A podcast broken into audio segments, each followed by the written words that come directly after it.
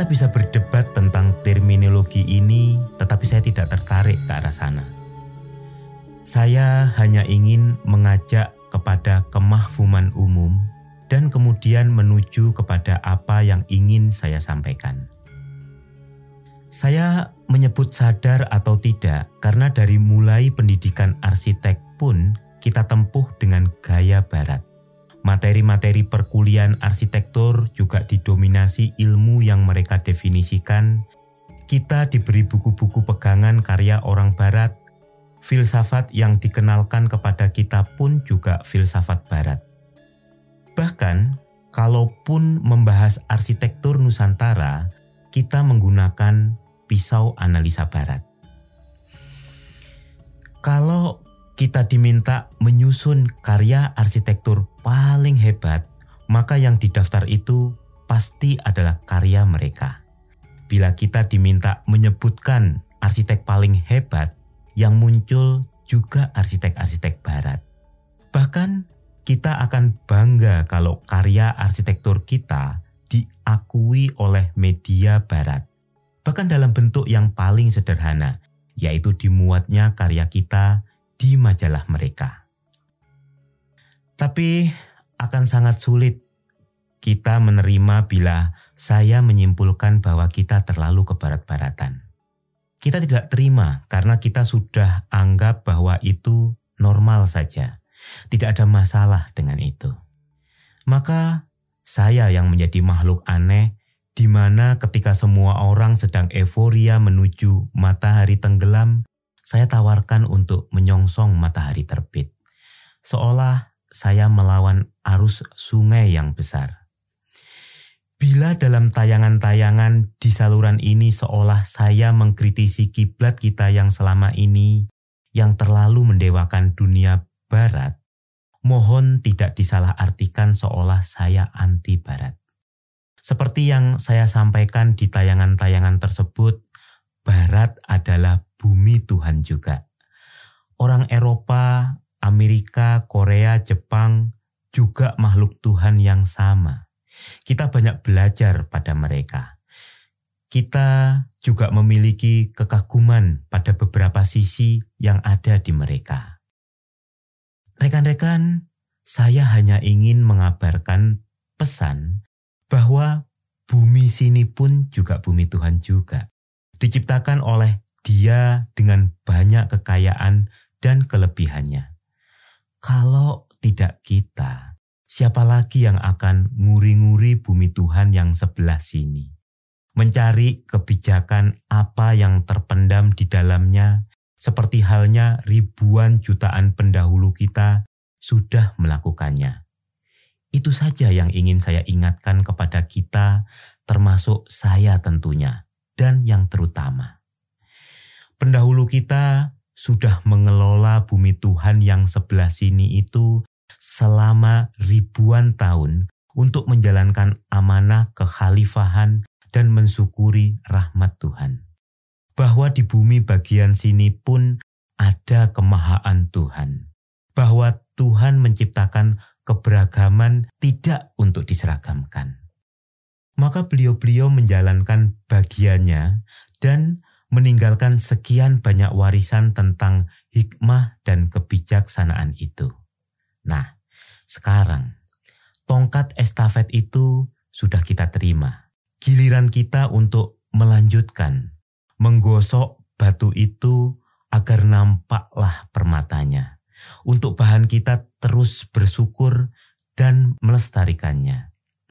Menemukan cahaya bagi penerang, pelita yang membuat bumi tempat kita berkiprah semakin bercahaya dan memperjelas jalan kita untuk pulang ke rumah abadi kita.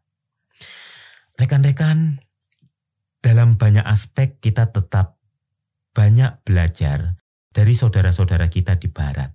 Dan itu tiada lain menjadikan kita semakin bersyukur atas kebesaran Tuhan yang menciptakan dunia sisi sana juga. Demikian juga saya. Saya membaca Enid Blyton di masa kecil saya dan menemukan kenikmatan di sana. Lima Sekawan, Sabta Siaga, Frederick Trofordville, dan berbagai kisah lainnya. Enid Blyton orang barat dan seorang penutur yang hebat. Saya menonton Sound of Music dan Heidi dan mengagumi musik serta keindahan tanah Eropa dari film itu. Seperti negeri dongeng. Pertama kali mendengar Fur Elisnya Beethoven, saya merasakan seluruh tubuh saya berdesir sampai ke ujung batin dengan keindahan musik itu. Saya pernah melihat keindahan Selat Bosporus dari jendela istana Topkapi dan membayangkan berbagai bala tentara menyeberangi selat yang indah itu sepanjang sejarah peradaban manusia selama ribuan tahun. Saya menyaksikan keindahan padang rumput di pinggir samudra di sisi selatan Australia dan mengagumi bagaimana bisa padang rumput serapi itu seolah dipotong setiap pagi oleh sapuan angin. Saya rekan-rekan mendengar musik Bob Dylan dan mendapati banyak hal yang memperkaya pandangan saya akan hidup. Bagaimana kata bisa demikian mempengaruhi kekayaan jiwa.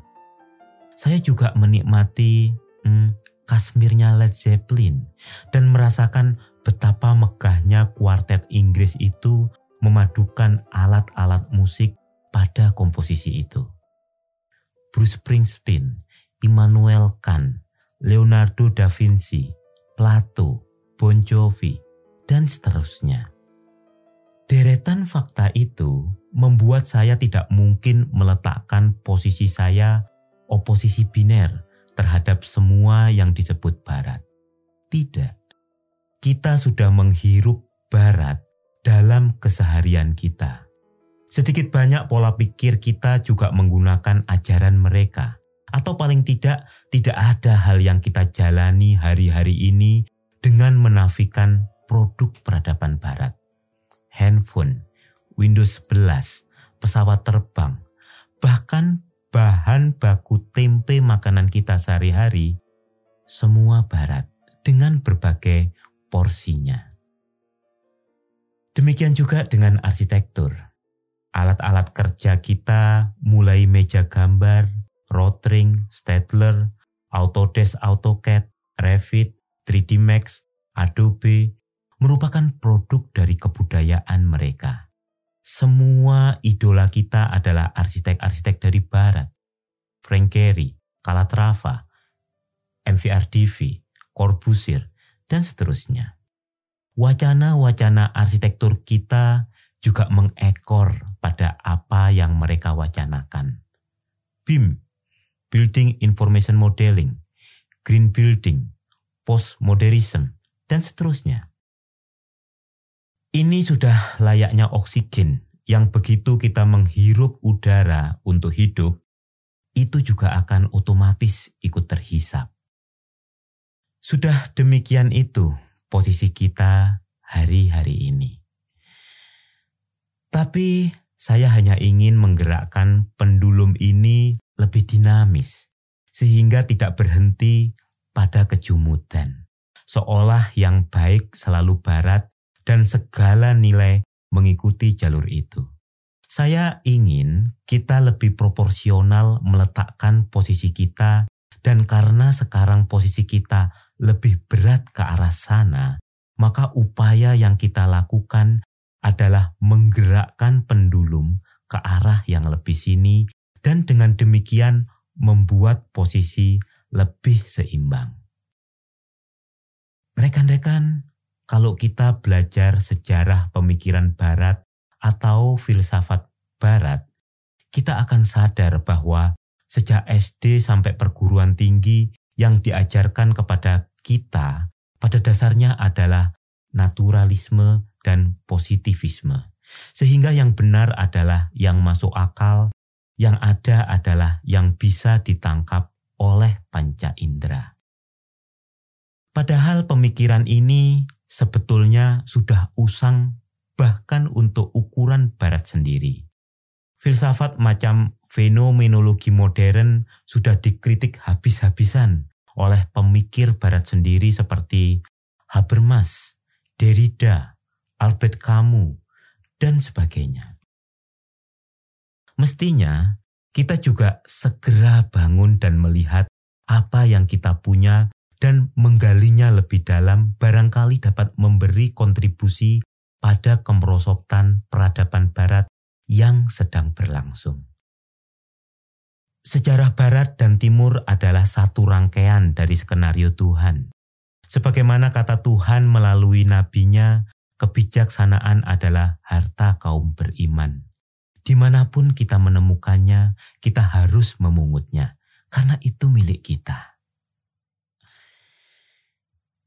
Dan memang kita bisa menyusun bahwa rangkaian kebajikan serta ilmu kebijaksanaan itu berjalan dari peradaban ke peradaban, mengalir waris mewaris, diturunkan bukan hanya dari satu generasi ke generasi, tapi juga berpindah bangsa ke bangsa.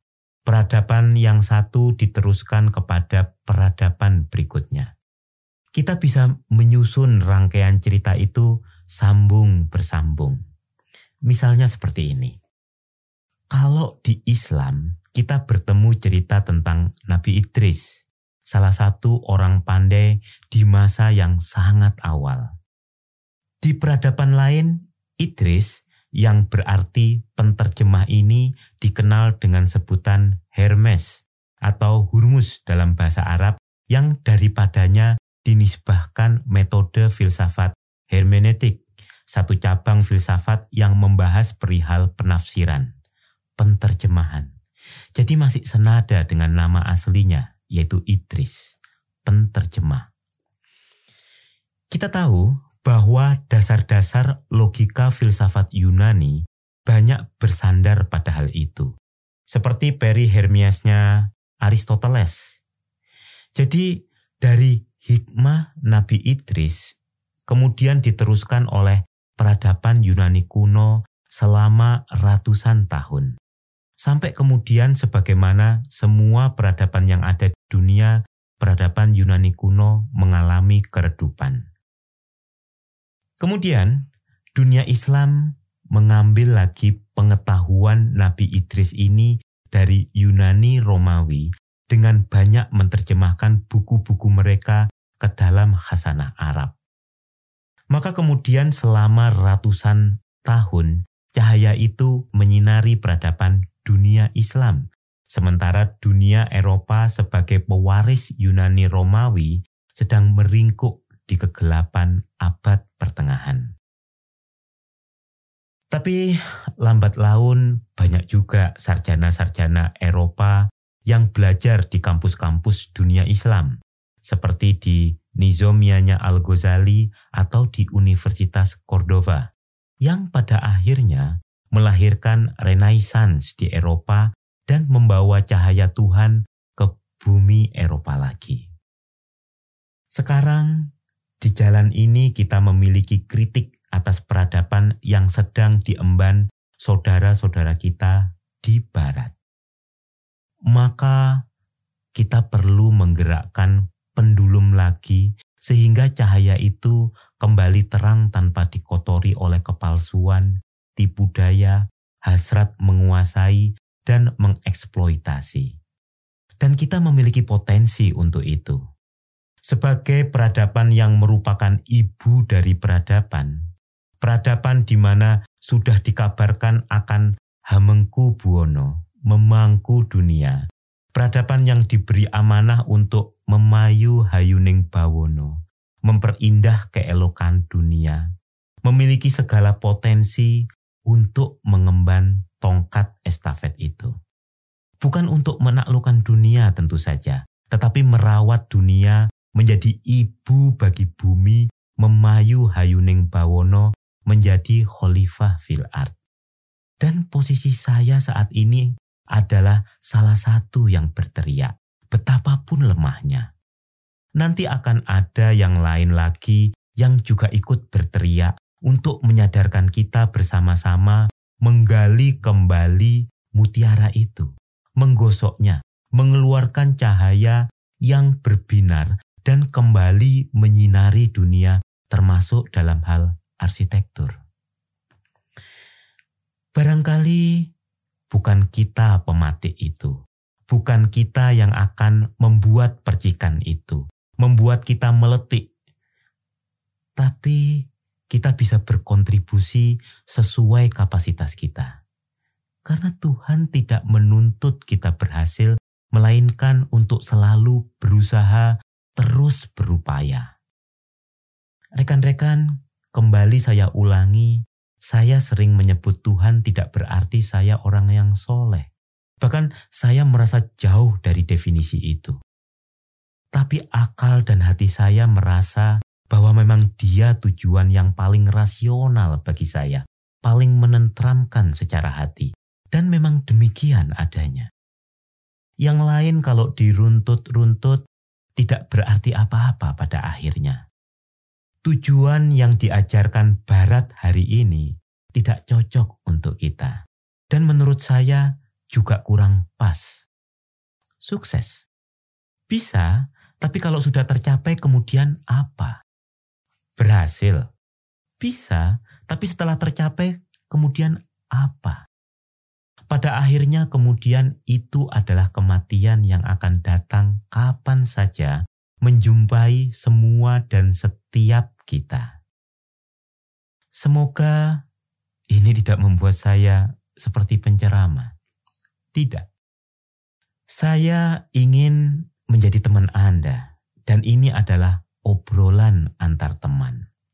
Tapi memang betul, apa nilai kesuksesan dan keberhasilan itu sesaat setelah kita masuk ke fase kematian itu. Kalaupun karena paham positivisme kita menganggap bahwa hidup setelah mati belum tentu ada karena belum ada dari kita yang hidup ini pernah ke sana, kita pakai saja konsep probabilitas sederhana. Maksud saya, kalaupun setelah kematian ternyata tidak ada apa-apa, toh kita juga tidak rugi apa-apa. Kita tetap senang kok menjalani kehidupan seperti sekarang ini. Kehidupan dalam bimbingan keagamaan ini tetap membuat hidup lebih baik, walau ternyata akhirat adalah fata morgana. Tapi bila ternyata setelahnya betul ada cerita seperti yang dikabarkan agama-agama, maka jangan sampai kita menjadi orang yang menyesal. Ini ilmu probabilitas sederhana saja. Dan bila kita menempuh yang pertama, kita tidak rugi atas mana pun yang akan terjadi dari dua kemungkinan itu. Sangat sederhana dan sangat logis maka saya menempa diri saya untuk menempuh jalan itu. Terseok-seok, iya. Masih menjadi manusia yang kotor, iya. Tapi kita sedang berusaha menjadi lebih baik. Kita berusaha menjadi lebih bersih sebisa-bisanya. Kita berharap bila mati dalam kondisi mulia, atau paling tidak mati dalam rangka berusaha menggapainya. Rekan-rekan, saya sudah berusaha bicara dengan hati-hati dengan pemilihan kata yang sudah saya timbang-timbang. Berusaha tidak ada nada menggurui dan sok suci. Tetapi sebagai obrolan antar teman yang sedang saling menyemangati, sebagaimana bahasa lisan kadang terlepas hal-hal yang barangkali membuat Anda kurang berkenan. Sungguh saya tidak berniat demikian. Dan karenanya saya minta maaf bila itu ada. Akhir kata, barat dan timur, ke mana pun kita menghadap, pada akhirnya kesejatian jua yang akan kita temui. Semoga.